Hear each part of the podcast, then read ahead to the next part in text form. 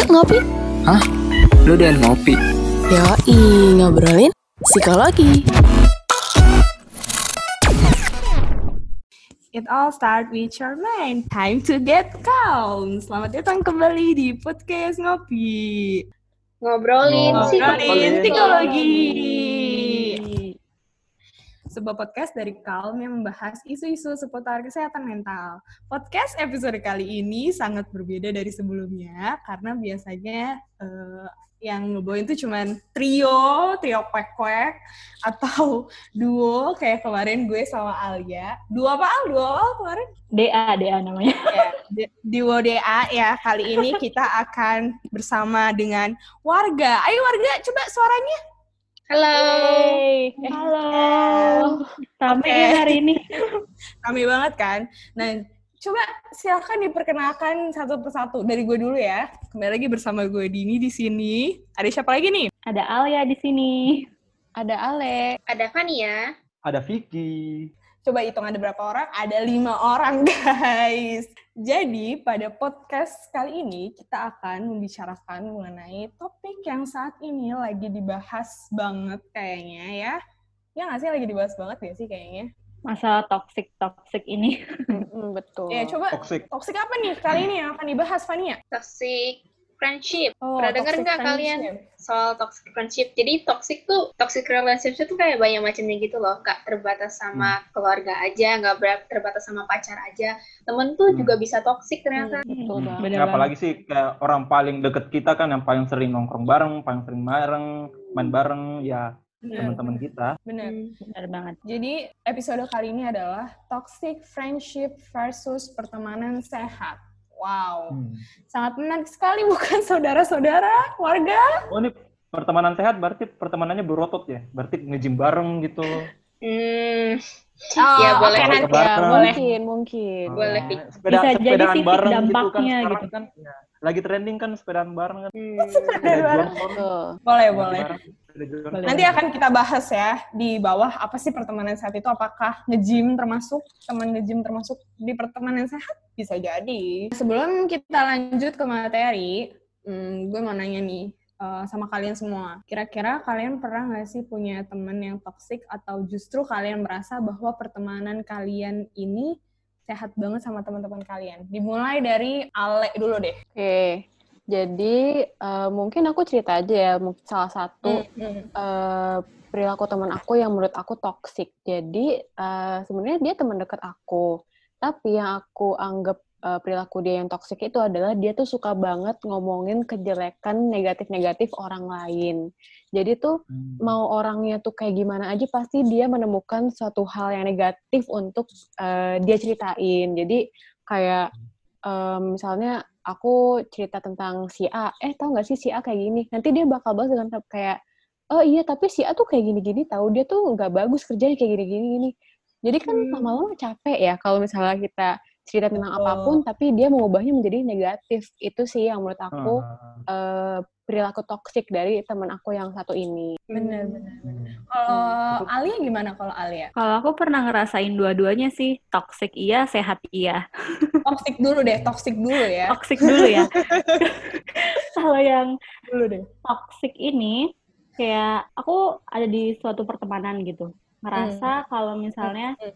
selama berteman ini rasanya nggak seimbang. Nggak seimbangnya itu kayak dia selalu cerita, cerita apa pun gitu ke Hmm. aku gitu tapi giliran aku yang mau cerita itu nggak bisa gitu jadi kayak cuman yaudah satu arah aja Ah. terus kadang kayak apa ya tiba-tiba dia ngilang gitu ngilang tanpa sebab terus tiba-tiba kayak betean kayak gitu. Terus jadi bawaan ke aku itu nggak nyaman gitu. Kadang pernah sekali itu malam-malam kayak nggak tahu kenapa kayak aku mikirin dia terus sampai nangis kayak gitu. Terus kayak lama-lama kayak ih capek ya ternyata kayak gitu. Kalau Alia sangat sayang sama temennya ya ternyata ya. itu Tapi kayak tahu kayak kalau sampai kehilangan kepikiran gitu. kehilangan teman dekat itu ya soalnya kayak teman dekat kan kalau kehilangan kita kan kehilangan kayak aduh ini kayak padahal kemarin nih bisa mungkin bareng si temen ini tapi karena Bener. kurang dekat jadi kayak aduh ya mau diapain lagi? Bawaannya tuh jadi nggak enak gitu kayak capek sendiri jadi ya udah. Ya. Hmm, kalau yang sehatnya, yang kalau yang sehatnya sehat kalau yang sehat itu eh, karena kita suka satu bidang yang sama terus nge- ngerasa klop gitu. Terus Mhm. eh, yang aku rasain kayak aku mau ini dan dia mau itu ternyata kita sama. Ya udah sejalan aja. Kayak Jadi curhat ya udah curhat Hmm. bareng gitu. Jadi saling menemani gitu ya. bener banget. Terus kayak nggak capek hati aja ngejalaninnya. Kalau Fania, Kalau kalau aku sih sebenarnya sama kayak Alia, dua-duanya pernah ngerasain, tapi udah nyadar buat buat jaga jarak sama yang toxic sih. Tipe toxic yang sering banget aku temuin tuh ya yang datang ke aku kalau ada perlunya aja. Kayak inget aku tuh kayak kalau ada tugas, Yes. kalau ada masalah, kalau ada bahan curhatan. Tapi kalau nggak ada tuh kayak kita temenan ya bener. sih. aku Yang ngerasain itu terjadi. kok Van ya kan kayak iya aku ngerasain eh habis mandi sepa dibuang gitu setelah datang dia. bener banget Kalau yang sehat sih bagi aku yang ini nih ya saling support sama Hmm. satu sama lain, mimpi satu sama lain, usaha satu sama lain.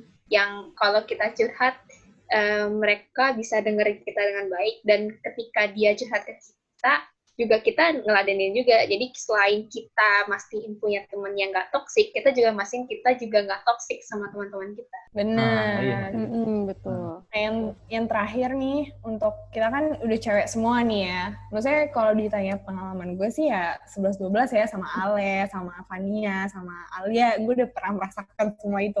Tapi nih cowok nih ya, kita todong nih satu bocah ini cowok sendiri di sini kalau di cowok gimana tuh? ampun mbak, Ada nggak? ampun mbak, Ada nggak? ampun mbak. Ada nggak pertemanan? Ada, toksik ada kok, ada kok. Gimana tuh gimana? Ada kok, ada kok. Ya mungkin sih lebih ini lebih kayak kalau yang aku denger-denger sih kayak mungkin ini ini aja sih ya, yang kayak dari kalian teman-teman cewek mungkin nggak secara fisik gitu. Nah dari aku Hmm. nih pernah dapat macam fisik gitu, kayak kayak kita tuh sering apa ya, sering mungkin eh, ajak dia, soalnya kagak enakan gitu.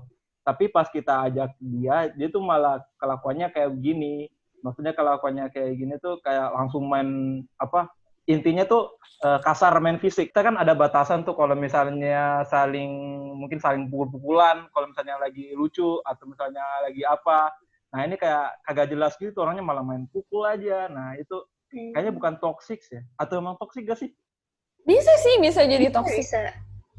Nanti nanti kan ada tanda-tanda toksik dan lain-lain tuh. Nanti mungkin kita Teman. akan tarik kesimpulan dari situ. Nah, kayak teman Oke. berkelahi atau kalau enggak ini atau kalau enggak ini apa sih namanya kalau teman-teman di sini mungkin ada yang punya kendaraan kan nah ini gue kayak dianggap ojek zone doang kayak, kayak, eh ini mumpung kita mumpung kita satu arah ke kampus satu arah ke sini bareng aja ya ya udah Hmm. bareng tapi pas di kampus kagak pernah kagak pernah apa gini-gini jadi kayak eh, kalau pulang nyariin gua kayak Pik di mana? Oh ini lagi di dari lagi di kampus. Kenapa? Oh ini pulang bareng dong. Oh iya oke oke oke. Tapi pas di kampus kagak pernah nongkrong bareng kagak pernah ini jadi kayak kayak dilupain aja gitu ya Fik ya? Iya gue cuman kayak abang-abang gojek Manfaatin ya jadinya ya. hmm, bener Iya, banget dimanfaatin Iya. gitu. Bener Nggak banget. Ada maunya nggak doang. bermaksud merendahkan orang-orang yang bekerja di bidang jasa ojek Oh iya, campura Iya. dulu ya. Mohon maaf ya. Nggak bermaksud. Nah, nih sekarang aku pengen tanya deh, teman-teman. Sekarang itu coba deh tolong hitung. Ada berapa sih temen kalian yang misalnya kalian kenal aja gitu? Coba eh, dihitung deh. Berapa Bentar, ya? Ini semuanya, Le. SMA, SMP, dari SD, dari tetangga, dari masih kecil, sampai dulu Waduh, kuliah. kalau ngitung gitu sih kayaknya ya banyak sih sebenarnya ya. iya banyak sih ya. Yang, yang inget aja. Eh, mungkin yang ingat, yang ingat aja deh kira-kira yang nyampe di kepala tuh ada berapa kira-kira? Hmm, kalau yang sering hangout bareng, mungkin sampai sepuluhan kali ya yang kayak kita rutin hangout. Tapi yang kalau yang benar-benar Hmm. buat curhat, eh, nggak sampai lima sih. Hmm, deh, ini ini di luar itu dulu deh. Yang kenal dulu deh. Yang kenal aja. kenal aja. Yang kenal. Yang kenal aja. Kalau kenal sih banyak ya, hampir iya kalau berapa sekedar ya? kenal Kalau eh, apa kasarnya aja nih, eh, kayaknya Hmm. gua sih berapa ya? Ya 200 300 lah. Oh. banyak Ya, Oh. Gak sombong, gak juga sombong, ya. maaf. Gak sombong. Kenal kan Selebgram kenal, ya, kan Mas? kenal. Iya, boleh, boleh. Oke, ini kan masih masih kenal doang kan? Kenal doang kan? Hmm. Pasti masih kenal. Oke. Vicky tiga ratusan lah ya. 300 Ya. Hmm. Al, eh, gue gue berapa ya? Gue 400, 300 segitulah. Sama kayak Vika lah, 11 12. Hmm, coba yang lain. Aku seratusan deh. Oh, seratusan. lebih Soalnya sedikit lagi, 100. 100. Mm-mm. Pannya berapa Seratusan kira-kira? Kalau yang kenal aja Gue, gitu. Kalau kenal aja ya berarti ya. Kalau Hmm. hitung dari sekolah juga 200-an mungkin. Mm-mm. Oke, 200. Hmm. Aku- Ratusan lah ya. Kalau misalnya yang sekedar kenal. Mm-mm. Iya, iya. Sama, aku juga sekitar 200-an kayaknya. Oke, jadi kalau yang dari aku tangkep, nih kita rata-rata teman-temannya yang kita kenal aja itu tuh ada sekitar ya 200-250-an ya. Tapi Iya, kalau betul. menurut penelitian yang dilakukan oleh Robin Dubar, psikolog dan antropolog dan lulusan Oxford University, setiap orang hanya bisa memelihara hingga 150 hubungan yang stabil dan bermakna. Jadi tadi kita yang rata-ratanya itu ada 200 lebih itu mm, mungkin Cuman 50 kenal nama. Eh, cuman kenal, kenal muka sih. Cuma kenal muka. nama dan muka mungkin. Kenal Iya, muka. bisa jadi. Iya, berarti berarti 150 tuh taruhlah kayak ya? Kalau sahabat dari TK sampai kita kuliah sekarang, sampai sekarang deh, itu digabungin kali ya segitu. Nggak nyampe deh kayaknya. Yang sekelas mungkin kalau pas sekolah. mm, Terus Oh, sekelas iya. lagi pas kuliahan. ya, Nah. pernah Oh, itu bisa, itu bisa, kelompok itu. mungkin. Benar-benar, itu bisa, itu bisa. Eh, jadi ternyata tuh eh, jumlah pertemanan itu ada kategorinya guys. Jadi kalau misalnya eh, 150 orang itu adalah jumlah hubungan yang sanggup kita jaga. Nah, nah, turun lagi nih 50 itu sebutannya yang hanya teman. Nah, ini yang biasa kita undang misalnya kalau ada acara atau special occasion lah gitu. Nah, turun lagi 15 itu kalau ini dikategorikan sebagai teman baik untuk nongkrong dan sebagainya buat main dan lain-lain. Jadi mungkin yang bisa disebut eh, geng atau kelompok pertemanan gitu lah ya. Iya. Eh, yang paling sedikit ini adalah lima orang. Ini jumlah yang bisa disebut sahabat dan berhubungan baik. Eh, aku penasaran deh. Eh, kalian di sini di dalam satu geng pertemanan tuh ada berapa orang kira-kira? Geng itu kayak apa ya? Mungkin circle kali ya di dalam pertemanan kalian. Misalnya ada circle A atau B atau C gitu. Dari Hmm, Ali dulu deh. Dari Ali ada berapa? Kalau aku, eh, circle aku yang utama sekarang itu ada enam orang. Jadi Hmm. ya nggak nggak terlalu besar juga emang sih. Ini itu emang isinya eh, sahabat-sahabat aku gitu ya. Kalau Fania nih, Fania. Hmm, kalau circle sebenarnya aku mainly ada dua ya, yang dari SMA sama yang kuliah. Kalau yang kuliah ada sama kayak Ale, ada berenam. Tapi yang kalau dari SMA itu bertiga. Oh, bertiga. Tiga. Makin mengerucut ya. Kalau Ale SMA ada berapa, Le? Aku SMA ada empat sih, berempat aku. Tapi sekarang Oh. karena udah apa jarang main, jadi aku sebutnya yang sekarang aku masih sering main aja. Oh, ya, oke, oke. Kalau Dini sendiri ada berapa? Kalau aku ada, kalau SMA berenam, kuliah berempat. Hmm, Yang Kebalikan SMA Ale. ya. Aku ya kebalikannya Ale. Ya, ya. kebalikannya Ale, kebalikannya Ale. Kalau Vicky ada circle juga nggak kayak kita? Penasaran kan? Penasaran nih. Kenapa harus gua gitu yang dipenasarin? Jadi kalian biasa-biasa aja. Beda Ya sendiri. udah, ya udah, ya udah. Eh, ya udah. Kalau gua circle berapa ya? Circle mungkin ada ada tiga yang kayak yang sekarang sampai kenal itu kayak yang paling awal sih SMP. Hmm. SMP tuh sam- Wow. sampai sekarang ya kenal semua. Hmm. Soalnya eh, kayaknya ini dari latar belakang sekolah sih. Soalnya sekolah gua itu satu angkatan cuma 40, terus cowoknya ya cowoknya karena karena kita sedikit cowok juga jadi kayak udah berapa ya? Jadi kayak 15 orang saling deket-deket aja gitu, kurang lebih 15 orang saling deket-deket aja. Sampai sekarang kapan kalau misalnya gua balik ke Makassar, nah itu biasanya gua nongkrong bareng mereka aja. Hmm. Oh, berarti temen nongkrong kan ini ya?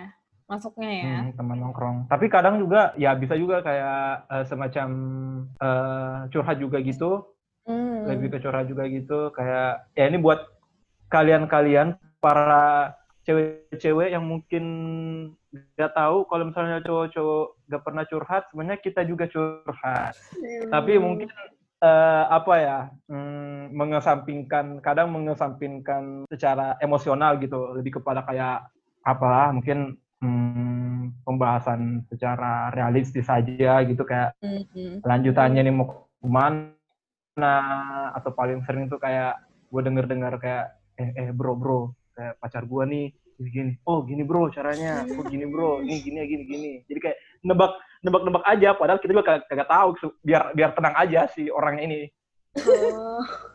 nah itu Terus- kalau misalnya yang SMP tadi gue bilang tiga kan yang kedua tuh kuliah cuman eh, di kuliah karena yang paling pertama tuh eh, gue bukannya mau bilang emphasis di gue dari eh, mungkin dari luar Jawa cuman karena eh, gue emang datang ke Jawa sini benar-benar kagak tahu jadi gue merasa eh, dekat solid sama teman-teman gue yang berasal dari Makassar juga bareng-bareng gitu itu malah kayak circle tapi kayak 60 orang banyak gak sih satu circle 60 orang Wah, bukan teman nongkrong, ini teman beneran dalam tanda kutip yang tadi. oh teman beneran oh Udah berarti itu 20 Ale. deh 20 deh 20 20 dah Iya, 20 lah, 20 lah ya. Nah, ya kalau kuliah eh, kuliah secara kuliah bukan dari daerah gua ya paling berapa ya di bawah lima aja gitu Hmm, kalau aku ada tiga circle sih. Jadi Oke. di SMA ada satu, di kuliah ada dua circle gitu. Hmm, hmm. Hmm, kalau SMA itu eh, cuman ada dua yang benar-benar sekarang sampai deket masih suka kontak-kontakan. Terus kalau misalnya lagi pulang ke rumah jalan bareng kayak gitu sih kalau SMA. Kalau Mm-mm. kuliah ini ada dua circle kebagi dua gitu loh. Hmm. Kalau paham kok gua pertama- kayak gitu juga gua kayak gitu juga. Gimana tuh kebagi duanya? kebagi duanya yang satu emang ya udah ke mana-mana bareng curhat-curhatan terus kayak eh ya pernah nginep saling nginep di kosan masing-masing kayak gitu lah pokoknya udah ke mana-mana bareng terus kalau yang satu lagi karena kita eh, suka hal yang sama jadi ternyata klop ya udah jadi keterusan aja kayak gitu jadi kalau circle yang gara-gara kita ada punya kesamaan ini, misalnya kayak tiap minggu kita ngerencanain mau ke mana, kayak gitu. Biasanya sih yang paling sering itu ya, apa, jogging ngeliling kampus. Anjay, sobat sehat. Iya, sehat, sehat beneran. Oh, itu iya. sehat badan. Sehat badan. Yaudah, jadi kayak gitu deh. Apakah ini yang termasuk pertemanan yang sehat? Nah, ini Hmm. Bisa jadi sih, iya. bisa jadi Literally ya. Iya itu sih. Jadi SMA ada satu circle, kuliah ada dua. Nah, ini kan kita jawabnya tadi kan, eh, maksudnya gue, Ale, eh, Fania, Alea, rata-rata tuh kan circle-nya di bawah tujuh gitu. Maksudnya gede banget. tujuh gitu manusia, manusia yang ada di dalam. Sedangkan Vicky ini kan tadi kita ada banyak gitu ya. Ada 10, ada 15 kayak paling dikit kayaknya ya. Pertanyaannya, Vic, emang di situ nggak ada kubu dalam kubu, Vic? Itu yang mau gue tanyain. Iya, Hmm, ya, ya, ya. Oh, aku bener-bener penasaran. ah. Itu, Itu gue sebenarnya kagak kepengen. mikir mikir jauh. Soalnya ini dari gua aja. Oh, Gak tahu sih dari mereka. Soalnya ini yang Hmm. gua tahu mereka di dalam-dalam pada ini pada klub-klub aja, pada aman-aman aja. Tapi nggak tahu sih kalau pandangan dari mereka. Dan gua anggap eh, mereka juga udah kayak dekat sama gua jadi kayak eh, ya nggak ada masalah sih sebenarnya dari mereka. Itu kalau dari pandangan gua nggak tahu sih kalau misalnya dari eh, pandangan mereka mereka sendiri, siapa tahu ada ininya. Tapi sejauh gua sih, ya yang gua lihat hmm, kagak ada sih kubu dalam kubunya. Hmm. berarti memang beda sih ya pertemanan cowok mungkin sama Iya. cewek. Karena kalau cewek tuh kadang kayak kalau misalnya temennya banyak, ternyata di dalamnya ada kubu-kubunya juga. Iya, betul Iya. banget. Tahu sih itu yang aku alamin. Bahkan aku yang cuma berenam itu di dalam di dalam geng cuma enam orang itu ada kubu lagi. Jadi ada kelompok yang kita tuh benar-benar kan, makanya. Iya. lagi. Jadi pasti ada sih kalau Makanya cewek. kayak penasaran kan. Benar, benar, benar. Nah, Hmm. tadi kan kita udah ngebahas nih jumlah circle yang kalian punya sama dalamnya tuh ada berapa orang per circle-nya. Nah, kalau boleh tahu, kok kalian bisa sih em, temenan sama mereka? Kan pasti ada banyak orang tuh di tempat kuliah kalian, di sekolah kalian, tapi kok malah kestiknya sama mereka sih? Em, mungkin dari Aleva dulu, Ale dulu. Kalau aku eh, yang bikin aku deket sama teman aku adalah kita eh, sa- punya apa ya? Punya ketertarikan yang sama. Jadi kita eh, sama-sama misalnya suka apa ya? Suka nonton film, terus akhirnya kita jadi Hmm. ngomongin kayak, eh udah nonton film ini belum, nonton film itu belum. Terus ya udah lama-lama eh, karena kita nonton bareng, terus ternyata nyambung juga tuh sama si teman aku ini, terus ya udah deket deh sampai sekarang. Hmm, jadi karena ada kesamaan minat ya, hobi Betul, gitu. iya.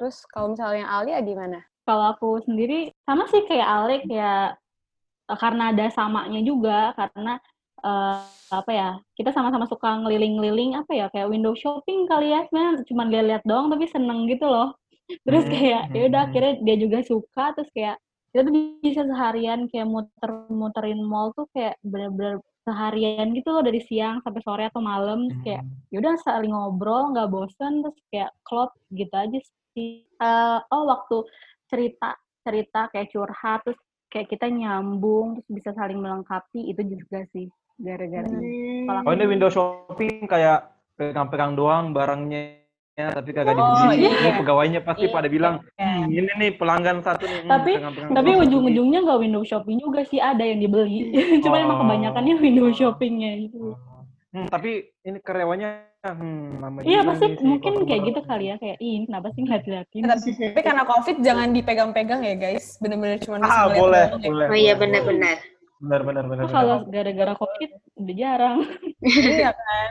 Iya nggak pernah malahan Iya. Ya ada juga kak udah balik dari perantauan kan ya. Hmm. Mereka di mana, kita di mana. bener banget Bener-bener. sama-sama Iya. jauh Kalau Denny deket sama circle-nya, kenapa? Karena merasa cocok sih, karena kan kayak susah ya nemu teman yang cocok gitu Ah, dari segala aspek ya. Maksudnya ya kan, maksudnya cocok dari segala aspek tuh kayak apa pun gitu dari melihat hidup, eh melihat kehidupan dan segala macamnya itu cocok. Kalau Vicky gimana? Kalau gua sih yang paling pertama tuh eh apa ya? Karena ada kalau misalnya apa ya? Karena berasal dari satu daerah ya. Jadi kayak Mm-mm. bisa lebih Hmm. nyaman gitu bicara pakai bahasa daerah daripada eh, apa harus berbahasa yang tidak dari asalnya gitu. Kayak ya sebenarnya gua nyaman-nyaman aja kayak gini. Cuman ada kayak rasa yang beda gitu saat pertemanannya. Hmm. saling ngomong pakai bahasa daerah gitu. Nah, itu sih menurut gue yang paling ini. Sama yang kalau misalnya klub yang selain dari bahasa daerah apa ya? Karena waktu kelamaan nongkrong aja sih. Kayak kita lama nongkrong gini-gini. Hmm. jadi kayak udah gak mungkin saling ninggalin ninggalin satu sama lain lagi Hmm. Benar-benar. Kayak ini kayak semboyannya iklan apa sih yang cocok? Eh, kalian tahu gak itu iklan apa? Gue lupa, sumpah gue lupa. pernah Apa pernah ya? Itu iklan pernah lama ya? gue lupa juga Iya, itu gue iklan deh. Ayo guys, coba coba. Dengar. Pikir dulu, pikir dulu, pikir dulu. Gue lupa itu iklan apa apa ya? ada iklan makanan kali ya Ih, sumpah. Apa obat ya? Pokoknya ntar, gue cek, gue Kayaknya cek ya. obat deh. Obat kan? Obat. Bentar ya Ya, guys. kayaknya obat. Kita harus nggak boleh setengah-setengah. Sumpah gue inget banget itu iklan cocok. Apa tuh? Coba aku cari dulu deh. selagi kalian mencari Oh, kita akan Mixagrip. Mixagrip. oh iya bener Oh, berarti obat berarti Iya, jadi itu ya bener sih kayak nah sebelumnya kita harus tahu juga alasan Fania kenapa dia eh deket sama teman-temannya. Nah, kalau Nah, kalau misalnya alasannya karena cocok juga, nah berarti seperti iklan Instagram pertemanan itu. Kalau kalau pertemananku sih sebenarnya kalau dari awalnya sih ya itu dari kita tempat duduknya deket. Tapi yang Hmm. Ah. menentukan apakah setelah itu di luar kelas kita dekat atau enggak itu nyambung atau enggak ngobrolnya sama aku. Karena kalau misalnya ngobrolnya nggak nyambung itu kayak gimana ya nggak enak banget gitu. Kayak aduh aku ngomong apa kamu nggak ngerti kamu ngomong apa aku nggak ngerti. Jadi kita mau ngomong apa kalau kayak gitu. Jadi itu Hmm. dulu sih Bener kan? dari bener banget Cocok. biasanya tuh bukan kayak kagak ngerti tapi karena kayak diam-diaman gitu kayak hai.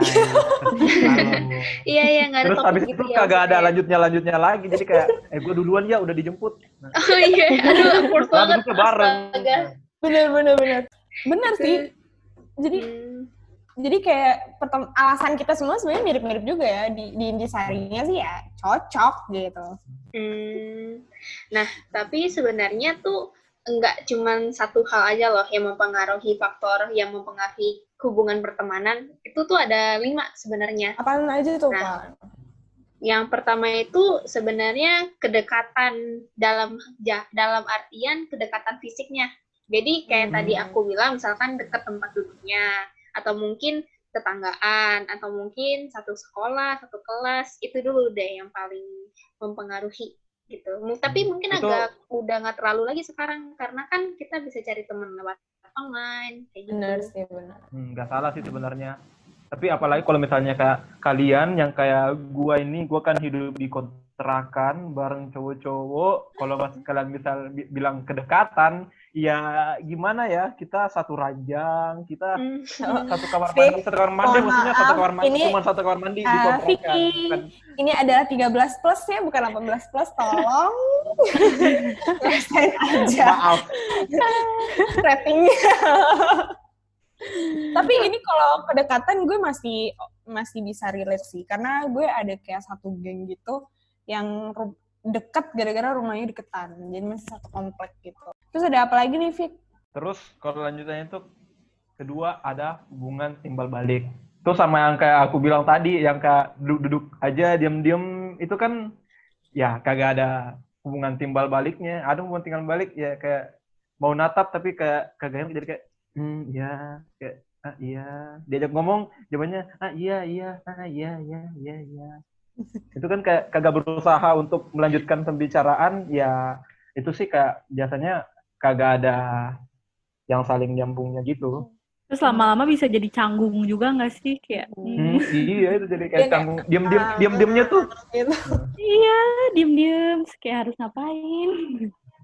Jadi kayak nungguin nungguin yang jemput tuh kayak aduh terima kasih. Terima kasih Tuhan. jadi kayak aduh gua duluan ya. Jadi Atau ada kayak alasan ini buat deh. pergi ya. Bener, bener. Hmm, hmm, hmm. Bener. Uh, atau kayak sesimpel, ini kan give and take gitu ya. Jadi kayak balance gitu loh. Kalau Hmm. misalnya yang satu curhat, yang satu ngedengerin, yang satu habis ngedengerin ada yang curhat, yang curhat tadinya juga ngedengerin gitu. Itu itu simpelnya aja kali ya. Hmm, kalau give and banget. take. Iya. Jadi saling itu menguntungkan mungkin lebih- gitu ya. Iya, Uh-huh. benar, benar. Itu lebih tergantung dari ininya aja sih soalnya kayak ada beberapa orang yang nyaman jadi pendengar aja juga bisa kan ada yang nyaman juga yang nyaman jadi pendengar nyaman jadi yang bicara ya walaupun kagak ada hubungan timbal balik mungkin eh, bukan kagak ada apa lagi namanya eh, intensitasnya berbeda daripada antara dua orang Benar, itu benar. tapi kan tetap ada eh, saling acknowledge saling mengerti satu sama lain Atau ini sih, Vic, kayak kalau yang tadi lo bilang kan kayak eh, yang satu lebih suka jadi pendengar gitu, tapi maksudnya nanti saat si pendengar ini mau cerita, yang sering curhat juga mau mendengarkan gitu. Hmm. Jadi kayak ah benar simpelnya kayak gitu gitu. Terus yang abis itu ada apa lagi nih, Vic? Nah, terus kalau misalnya tadi kita lanjut bahas tentang curhat-curhatan, nah lanjutlah nih ke keterbukaan. Nah, dari teman-teman tuh Hmm. eh, sama teman dekatnya seberapa intensitasnya sih keterbukaan bareng teman-temannya kayak macam eh, akan ada beberapa hal yang gak kalian kasih tahu ke teman satu ini, ada yang kalian kasih tahu ke teman satu ini. Nah, kalau misalnya dari Fania deh, gimana dah tuh kalau kayak gitu? Hmm, itu bener sih, kayak ada beberapa hal yang nggak akan gue obrolin ke temen gue yang di kuliahan, tapi mungkin akan gue obrolin ke temen gue yang masih SMA. Karena beda, mungkin beda beda juga mereka taraf kenal gue nya dari seberapa dalam. Biasa sih gitu sih, semakin da- orang itu dalam kenal gue, em, biasanya gue lebih terbuka. Karena dia lebih ngerti, nggak nggak akan langsung ngejudge lah istilahnya. Iya, iya. Benar-benar setuju. Dan kalau Iya sih. kita apa ya, kalau kita cerita juga ki- kitanya nyaman gitu loh sama mereka karena udah kenal dari jauh, eh dari jauh, udah lama gitu. Nah, selanjutnya ini uh, faktor yang bisa mempengaruhi hubungan pertemanan itu adalah saling melengkapi. Oh, gila kan tuh. Itu sering banget, nggak cuma di hubungan pacaran, pertemanan juga ada saling melengkapinya, guys. Coba mungkin, Ale, saling melengkapi itu kayak gimana ya, Ale? Oke, kalau misalnya aku eh, saling melengkapi sama teman itu dari segi akademik sih mungkin ya. Jadi misalnya Hmm. aku jagonya itu di bahasa Inggris. temenku Hmm. jagonya itu di psikometri itu hitungan aku gak, nggak Oh. bisa psikometri gak bisa hitung hitungan temanku juga eh, bahasa Inggrisnya masih agak kurang jadi eh, kalau misalnya kita salah satu dari kita tuh butuh bantuan eh, di mata pelajaran yang nggak bisa itu kita minta ke Hmm. satu sama lain jadi namanya apa eh jadi eh, apa namanya iya sama apa namanya eh Simbiosis mutualisme. sama-sama iya eh itu tanggung jawab Iya, mutualisme. mutualisme. Eh, mutualisme, Iya, tapi mutualisme, yang kayak gimana ya yang kayak apa namanya saling membantu Kayak membe- membackup satu sama lain gitu iya, nggak sih? saling membackup satu Iya. sama lain saling Bener-bener. kayak apa namanya eh, memenuhi kebutuhan satu sama lain begitu Bener. itu saling Mirip-mirip ya. gue jadi ini Bisa sih, bisa bisa. Mirip-mirip sebenarnya menurut gue sih saling melengkapi itu mirip-mirip sama hubungan timbal balik ya. Mm. Ada sedikit mirip tapi beda jauh lah. Mm, mm, mm, mm. Kalau kalau misalnya gue saling melengkapinya itu biasanya eh ini sih, gue tuh hobi banget jatuh guys. jatuh yang kayak Hobi bengkal Jatuh gitu badan gitu. As if jatuh, jatuh, jatuh gitu. Oh, jadi kayak diam-diam. Aduh, Iya, pokoknya gitu. apa pun. Iya, maksudnya maksudnya bukan yang kayak tiba-tiba jatuh terduduk gitu ya. Maksudnya kayak sesimpel jatuh tuh eh jatuh Kesandung. kesleo, kesandung. Iya, kayak gitu-gitu lah ya. Gue tuh suka banget. oh, paham, paham, paham. Nah, tapi jadi- kikuk gak sih? Iya, nggak tahu sih gue kikuk lemot. Nah, itulah pokoknya gue gue semua itu dah. Terus, jadi eh, kenapa gue bisa bilang saling melengkapi? Karena kalau misalnya gue jatuh, temen gue tuh pasti selalu bisa untuk mengcatch gue saat gue udah mau jatuh. Jadi kayak udah, Hmm. eh, eh, eh, gitu. Jadi langsung kayak, gitu. Langsung kayak, eh, gini, gitu. Jadi, itu nggak jadi jatuh, gitu. Jadi, Hmm. itu kalau di hubungan gue saling melengkapinya seperti itu. Kalau misalnya Fania gitu, contoh simpelnya deh. Yang lo inget nih kayak, oh iya gue ternyata saling melengkapi sama temen gue tuh di sini, gitu. Kalau saling melengkapi bagi gue tuh em, agak mirip sama Ale, tapi mungkin agak nggak nggak sama nggak dalam hal akademis ya, lebih ke em, apa ya kayak semangat gitu, kayak confidence gitu loh. Kan kadang Hmm. orangnya gue tuh nggak terlalu confidence itu kayak self esteem rendah, confidence gue rendah. Tapi kalau misalnya gue di deket sama teman-teman gue yang punya confidence yang tinggi, punya self esteem yang tinggi, entah kenapa kayak ketular gitu loh sama mereka. Betul. Kayak gitu sih. Setuju. setuju. Oh, jadi kayak mental support ya? Iya, iya kayak mental support Hmm, gitu. hmm, hmm. Bener, bener, bener. Jadi kalau yang eh, gue tangkap tuh saling melengkapi itu sama teman itu, jadi kita saling memenuhi eh kayak mengisi kekurangan teman kita. Jadi eh, kita dan teman kita itu saling mengisi kekurangan-kekurangan masing-masing gitu. Betul. Kan Betul itu bedanya sama hubungan timbal balik mungkin ya. Kalau hubungan timbal balik itu kan berarti kayak ya udah kita melakukan sesuatu buat dia, dia juga buat kita. Tapi kalau misalnya Hmm. saling melengkapi itu ketika eh, kita sama-sama ada kekurangan nih dan si teman kita itu yang mengisi kekurangan itu dengan kayak kelebihan gitu, membantu kita untuk memenuhi kekurangan kita itu. Itu Betul sekali, setuju. Bener. Setelah kita kasih tauin contohnya, akhirnya kayak, oh ternyata saling melengkapi seperti ini, gitu. Nah, Hmm. yang terakhir, salah satu faktor kenapa eh, bisa mempengaruhi hubungan pertemanan itu adalah persamaan. Sama tadi kayak jawabannya Ale gitu, yang bilang kalau misalnya dia dekat sama temennya karena sama-sama punya kesamaan suka sama Nonton. film yang ah, ah, nonton film gitu. Atau kayak Vicky sini- eh, persamaannya sama-sama anak rantau dari Makassar gitu ya. Dan atau mungkin kalau misalnya sekarang tuh apa ya? Kayak misalnya eh, genre musiknya sama atau hobinya Nah, sama. boleh, boleh. boleh. Hmm, satu kan? fandom biasa. Ya, satu fandom. Nah, terus kan kan tadi kita di awal-awal udah nyinggung-nyinggung dikit nih mengenai kubu dalam kubu gitu ya. Nah, kalian pernah dengar nggak sih istilah fake friends atau teman palsu ya bahasa Indonesianya? Nah, menurut kalian itu apa? Siapa ya mau jawab duluan? Aku mau coba. Nah, coba Ale apa? Kalau di depan baik, tapi di belakang ngomongin. Hmm. Oke. bener Itu banget. salah satu definisinya. Silahkan disebutkan yang lain-lain. Coba, hmm, Ale nih, Ale tuh mukanya udah kayak, aku mau jawab, Din, gitu. Aku mau jawab yang itu yang sama kayak Alia ngomongin di belakang itu tuh udah definisi definisi Iya, fake itu friend banget. definisi Itu snake sih. banget. temen. itu kayak ya ya berarti kali ya kita kita semua setuju kalau misalnya yang apa diomongin Alia tadi benar emang nyata Benar. istilah Betul. fake friends. Kalau menurut gue tuh fake friends itu uh, orang yang temenan sama lu tapi bukan mau jadi temen lu, tapi mau either karena lu terkenal, either karena lu pintar jadi bisa dimanfaatin, either ya pokoknya temen tapi ada udang di balik batunya. Jadi nggak nggak pure temenan gitu ya. Mm-mm. Um, uh, Iya, jadi semacam kayak kalau misalnya tadi dibilang eh, hubungan timbal balik, ini kagak timbal balik gitu. Mm-mm. Oh, betul, betul. Mungkin Nah. temenan mau enaknya aja kali ya. Ya itu juga. Hmm, itu susahnya nggak mau, ntar pas susah kita ditinggalin. Oh, sering sedih terjadi. Nah, jadi pertemanan palsu atau fake friends itu bisa memicu adanya toxic friendship. Ya, seperti akhirnya kita sampai juga di topik pembicaraan kita kali ini. Nah, jadi eh, a- ada beberapa tanda kalau misalnya Calmers ada di dalam sebuah toxic friendship atau hubungan pertemanan yang beracun atau toxic. Yang pertama adalah uh, Calmers merasa berada di sebuah kompetisi dalam tanda kutip dengan temannya dalam tanda kutip yang lain. Jadi misalnya gini, uh, misalnya kayak Ale tadi ya, Ale kan ada dua, eh, maksudnya nggak cuma Ale doang sih, maksudnya hampir kita semua circle-nya rata-rata ada dua ya, Hmm. rata-rata ada dua gitu. Hmm. Jadi kayak kita tuh berasa kayak kita tuh lagi eh, berkompetisi gitu, kayak saingan gitu. Misalnya kayak eh, gue lebih ba gue gue gue akan merasa lebih baik nih dari temennya dia yang lain gitu. Jadi kayak kalian tuh ngerasanya lagi di dalam sebuah kompetisi gitu untuk mendapatkan hati anjas, hati apa sih namanya? At- attention dari teman kalian itu. Gitu. Hmm.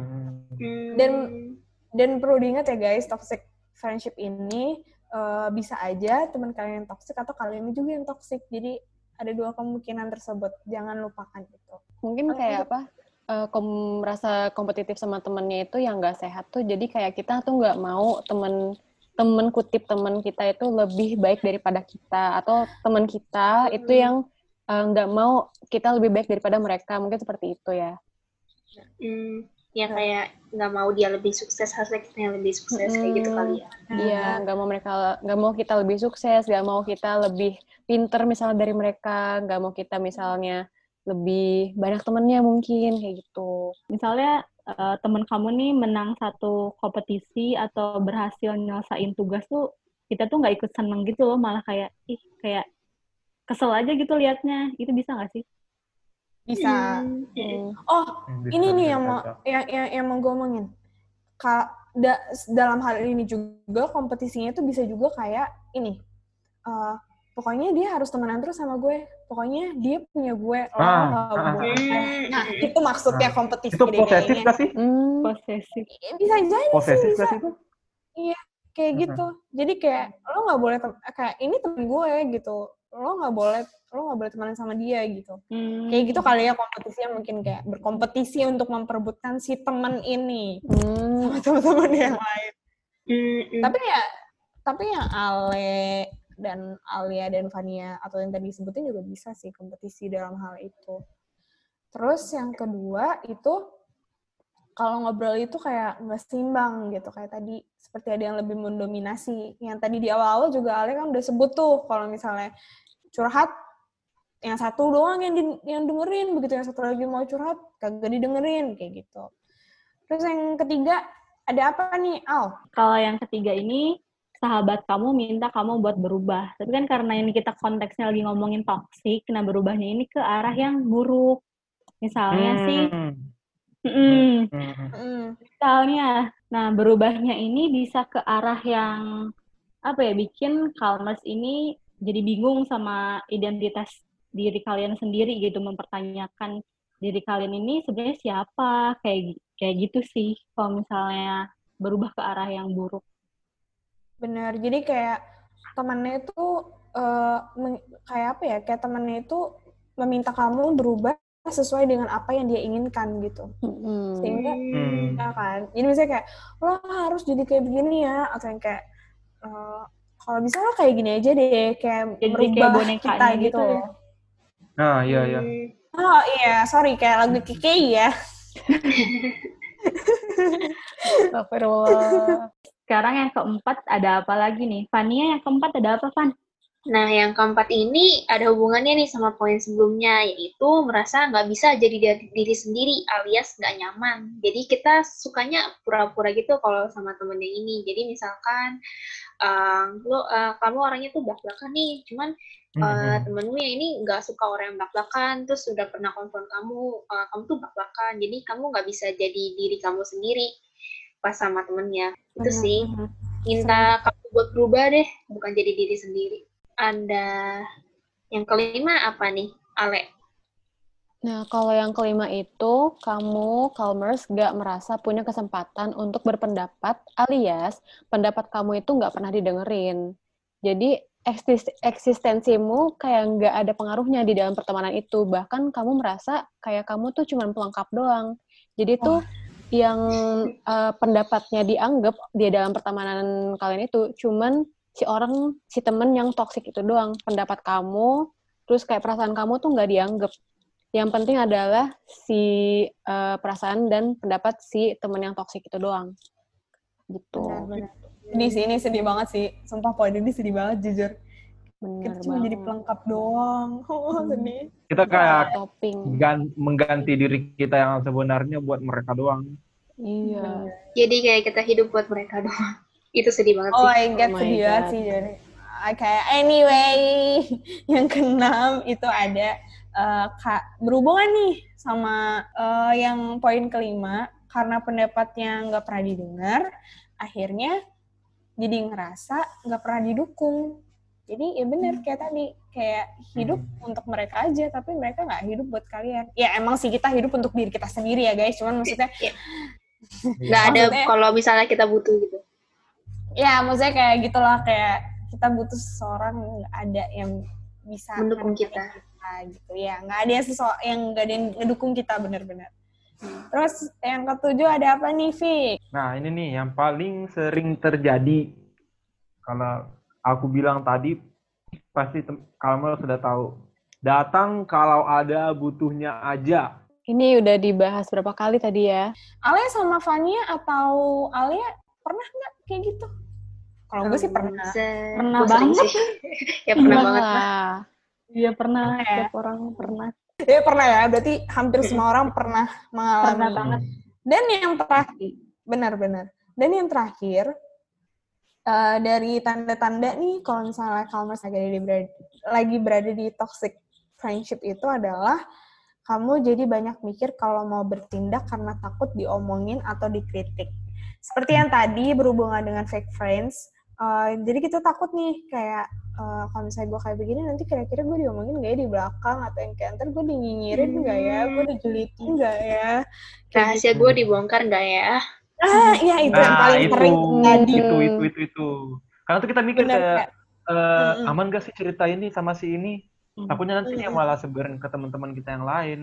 Benar, benar, benar yang kayak oh my god sebenarnya boleh gak sih gue kayak gitu hmm. jadi jadi jadi kembali lagi kita jadi nggak bisa jadi diri kita sendiri hmm. gitu malah temenan malah nggak tenang ya hmm. ngerasa nggak aman hmm. benar benar nah kan tadi kita udah bahas nih tanda-tandanya apa aja.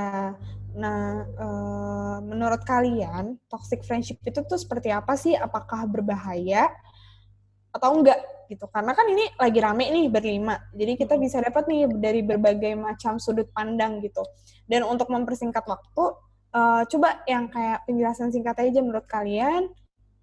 Seperti apa dan apakah berbahaya atau enggak gitu. Bisa dimulai dari Alia dulu kalau kataku berbahaya karena benar-benar merusak diri sendiri gitu mood jadi jelek terus kayak mau ngapa-ngapain kayak jadi jangan enak itu sih yang paling rasa gitu kalau misalnya punya toxic friendship gitu kalau terlibat di toxic.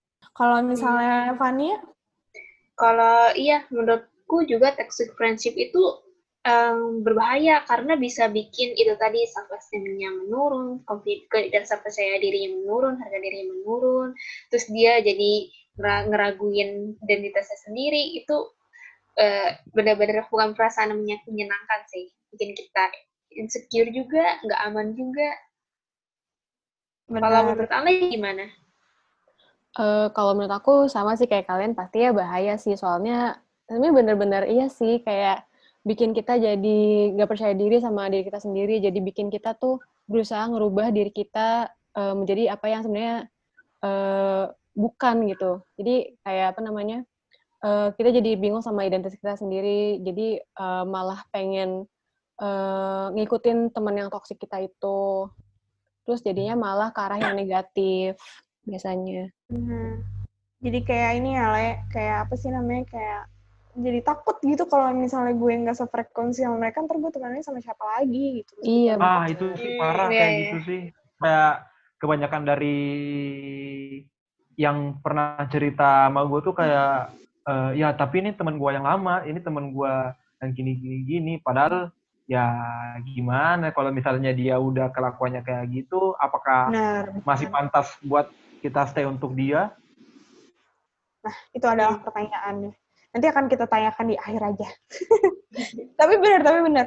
Karena itu jadi takut kan, kita jadi kayak takut. Ada ada ketakutan-ketakutan nih gitu. Nah, eh, jadi kak misalnya nih sekarang Calmers lagi ada di di fase di mana ya udahlah pertahanin aja hubungan pertemanan yang toksik itu karena takut nanti gue nggak punya teman lagi gitu. Nah ini juga beresiko loh. Yang pertama itu ada terjerumus, terlibat dalam kegiatan yang negatif, bahkan berbahaya. Terus yang kedua juga ada merusak, merusak mood dan meningkatkan stres. Karena kan kita kayak tertekan gitu kan. Terus gitu moodnya juga bisa aja berubah-ubah gitu. Terus selanjutnya ada apa lagi nih? Fun. Nah, selanjutnya tuh itu bikin energi kita terkuras ketika berhadapan dengan orang tersebut karena kita kebanyakan kebanyakan cemasnya, banyakan takutnya kayak gitu. Kemudian yang keempat, muncul perasaan tidak berdaya ketika nggak bareng sama teman tersebut. Jadi kayak apa ya? eh, gue tuh berharga karena ada temennya, karena ada dia. Jadi kayak tadi tuh takut takut ninggalin, nggak mau mutusin hubungan yang toksik itu karena ya kan dia udah temenan sama gue dari lama kayak Hmm. gitu kemudian apalagi nih eh, risikonya Alia Nah, yang kelima ini membuat merasa nggak berharga dan nggak percaya diri. Bener banget sih kalau misalnya kita ada di pertemanan yang toksik kan kayak kita mau cabut juga bingung, tapi kalau mempertahankan juga kayak ya makin nggak enak juga kayak gitu sih. Terus nah yang keenam itu ada pro- produktivitas dalam bekerja dan berkarya menurun karena memikirkan teman. Ya itu jadi eh, itu bisa jadi kayak moodnya ke bawah jelek, terus malah jadinya stres, kerjaan jadi nggak ke-handle kayak gitu. Bener, bener, bener. Tapi tenang aja, karena di dunia ini nggak semuanya toksik ya, masih ada yang dinamakan pertemanan sehat. Tring! Eh, Nah. brotot. ah itu juga bisa ya guys, itu juga pertemanan sehat. Tapi maksudnya yang, di, yang yang dimaksud di sini adalah sehat emosional benar secara emosional. Oh, gitu. oke oke oke. Tapi itu bisa juga, bisa juga. tapi ya bisa juga Bisa secara juga. fisik Hmm, tapi yang dibahas sekarang adalah pertemanan secara emosional. Jadi yang pertama itu adalah gimana sih caranya biar bisa menjalin pertemanan yang sehat tersebut? Yang pertama itu adalah jadilah dirimu sendiri dan izinkan teman menjadi dirinya sendiri juga. Jadi kita nggak menuntut apa pun dari mereka dan mereka juga tidak kalau bisa tidak menuntut apa pun ke kita.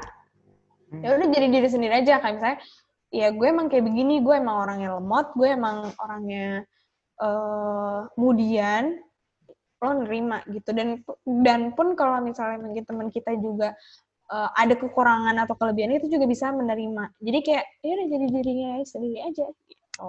Nah, kalau misalnya selanjutnya nih, kita jadwalin tuh waktu untuk ketemu aja, kayak semacam apa sih? Ya ngomong-ngomong ngomong-ngomong dikit aja, biar kayak saling catch up aja kayak apalagi kalau misalnya lama saling bertemu sama lama saling nggak bertemu kan kayak oh iya kamu habis ke mana abu kamu habis ke mana. Apalagi nih kan kita udah pada liburan nih. Kebanyakan dari kita kan nggak tahu kabar dari teman-teman kita. Nah itu kita bisa eh, sekedar chatting aja. Atau kalau misalnya eh, situasi sekarang ini udah berakhir mungkin kita bisa saling catch up gitu. Kayak nongkrong ngomong-ngomong tentang eh, kamu ngapain aja selama liburan. Eh gimana kabar inimu? Gimana kabar kuliahmu? Gimana kabar benar benar. sekolah gitu. tapi Nah, perlu diingat ya guys, jangan sampai memaksakan temanmu untuk bisa kumpul terus. Karena masing-masing dari kalian pasti punya kesibukan sendiri dan hidup sendiri. Jadi perlu di note kalau misalnya mau dijadwalin, jangan sering-sering gitu. Tetap harus menghormati. Gitu. Pertimbangkan Maksudnya deh, bukan teman. Bener. Bener. Nah, terus yang selanjutnya kita harus usahakan untuk selalu menepati janji untuk menjaga kepercayaan mereka. Jadi jangan mentang-mentang kita udah temen deket, udah temen lama, kita jadi ngentengin kayak kalau misalnya kita uh, uh, perlu apa pengen ngingkarin janji, kita malah mikir ah nanti dia juga ngerti kok. Justru karena mereka misalnya teman baik kita, kita harus tetap menjaga kepercayaan mereka dengan cara hmm, menepati janji yang udah kita berikan kepada mereka. Benar sekali, benar. Nah, terus terus ada yang keempat, memahami bahwa setiap orang pasti punya kehidupan dan kesibukan masing-masing. Nah, ini nyambung nih sama yang disebutin sama Dini tadi. Kalau misalnya temannya emang lagi nggak bisa kumpul, ya kita juga perlu paham teman kita juga punya kehidupan masing-masing, kita punya kehidupan masing-masing. Gimana caranya enaknya biar kita bisa saling connect, itu perlu dinegosiasi lagi. Betul. Nah, yang kelima ini ada menawarkan bantuan tanpa pamrih. Jadi kalau misalnya teman kamu lagi kesusahan, terus kalau kamu bisa nih ngebantu kayak kenapa enggak ngebantu temen terus kayak kalau ngebantu tuh yang ikhlas kayak gitu. Benar.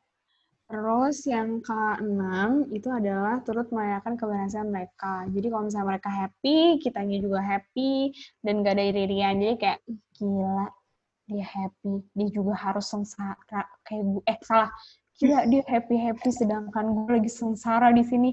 Dia nggak boleh happy, dia harus sengsara juga kayak gue. Nah itu nggak boleh guys. Jadi hmm. harus sama-sama happy, kalau dia happy, kitanya juga happy. gitu. Oke, yang nomor tujuh, itu kita tidak membicarakan teman secara negatif di belakang mereka. Jadi ya jangan suka gibain teman sendiri, meskipun ya memang gibah itu memang nikmat ya, tapi itu beracun oh. guys, itu toxic termasuknya. Jadi uh, kalau misalnya emang kita ada yang kita kurang suka dari teman kita, setidaknya misalnya kita pendem, uh, diam pendem sendiri dulu, atau malah kita omongin dengan baik-baik sama temennya itu, temen yang apa yang kita memiliki perasaan negatifnya itu. Jadi supaya masalahnya bisa diselesaikan bersama. Nah, selanjutnya tuh kita harus belajar jadi pendengar dan penasehat yang baik. Jadi kalau misalnya ada teman yang datang dan butuh untuk didengarkan, ya udah kita dengerin. Terus bagaimana pandangan kita terhadap apa sih langkah yang seharusnya diambil? Nah, itu kamu coba kalian Kalmers coba kasih tahu kayak harusnya tuh kamu kayak begini. Tapi uh, yang dianggap terbaik bagi temen gitu. Kayak terbaiknya tuh kalau gini mungkin kalau kamu ngelakuin ini mungkin cocok. Nah itu bisa juga dah. Terus lanjut lagi itu kita akan kita harus belajar mengelola rasa sepi agar tidak bergantung pada orang lain untuk merasa happy. Ya walaupun kita bakalan happy sih sama teman kita tetapi uh, pada suatu saat di hidup kita pasti kita juga akan merasa sendiri dan ketika sendiri nih kita semua harus tahu apa sih yang harus dilakuin biar kita bisa happy walaupun tanpa ada orang lain di sisi kita. Walaupun uh, apa ya pembahasannya uh, kayak rada mendorong untuk sepi menyendiri tapi uh, kita kan nggak boleh bergantung kepada orang terlalu banyak. Nanti ujung-ujungnya sakit sendiri. Betul. banget Contohnya sih Kalmers bisa ngelakuin me time misalnya ngelakuin hal yang Kalmers suka, hmm. misalnya nonton film, baca novel atau mungkin buat cewek-cewek atau cowok-cowok juga sih skincarean mungkin di kamar kan itu benar-benar bisa merefreshing pikiran juga kan kalau misalnya lagi sendiri denger musik lah itu bisa. Betul. Nah selengkapnya kalau misalnya kalian mau mengenai uh, me time itu udah kita bahas juga di podcast di episode self care jadi sah. Benar banget. Oke, okay, nah udah tahu kan uh, commerce bagaimana toxic friendship itu seperti apa, negatifnya apa, habis itu juga tanda tanya tanda tanya itu kayak gimana gitu. Apa mungkin commerce mulai bisa nih menganalisis dan memutuskan untuk memperbaiki atau meninggalkan hubungan yang toxic tersebut? Karena ingat Psikis kita sangat penting loh untuk menghadapi dunia dan punya teman yang suportif itu sangat diperlukan di dalam kehidupan. Nah, buat kalian yang ingin menggunakan layanan konseling online dari Calm, kamu bisa langsung search aja K-A-L-M di App Store ataupun di Play Store yang logonya warna putih ya. Nah, di aplikasi tersebut, kamu juga akan dihubungkan dengan psikolog profesional dan dapat berkonsultasi langsung melalui handphone kamu. Apalagi kan sekarang lagi di rumah aja nih, bisa konsultasi online di aplikasi Calm. Iya, jangan lupa juga untuk cek sosial media kita di Instagram at get.calm untuk melihat konten-konten terkait kesehatan mental. Selain itu, Calm juga ada Twitter loh dengan username at get underscore calm. Dan terakhir, jangan lupa juga untuk terus dengerin podcast Calm melalui Spotify, Anchor, maupun Apple Podcast. Nah, buat kalian nih yang pengen curhat tapi nggak tahu ke mana, bisa submit curhatan kalian ke bit.ly slash kita perlu cerita. Bener banget. Jadi kalau kamers yang mungkin mau curhat nih mengenai topik yang kayak kita tadi udah bahas tentang toxic friendship, bisa langsung aja di submit di sekali lagi di bit.ly slash kita perlu cerita. Oke, okay, terima kasih untuk mendengar, uh, terima kasih sudah mendengarkan podcast ngopi episode kali ini bersama dengan warga. ini jarang-jarangnya nih podcast kan berlima nih, biasanya paling banyak bertiga. Jadi kalau misalnya kalian suka, mungkin kita akan bikin under, another episode berlima lagi. Jadi uh, sekian episode ngopi kali ini. Sampai jumpa di episode berikutnya. Dadah Kalmers. Dadah. Bye Kalmers. Bye Kalmers. Bye Kalmers. Bye Kalmers. Ngopi enak ya? Iya dong, namanya juga ngobrolin psikologi. Ketagihan ngopi lagi, makanya pantengin sosial medianya di @get.com biar kamu gak ketinggalan ngopi-ngopi seru lainnya.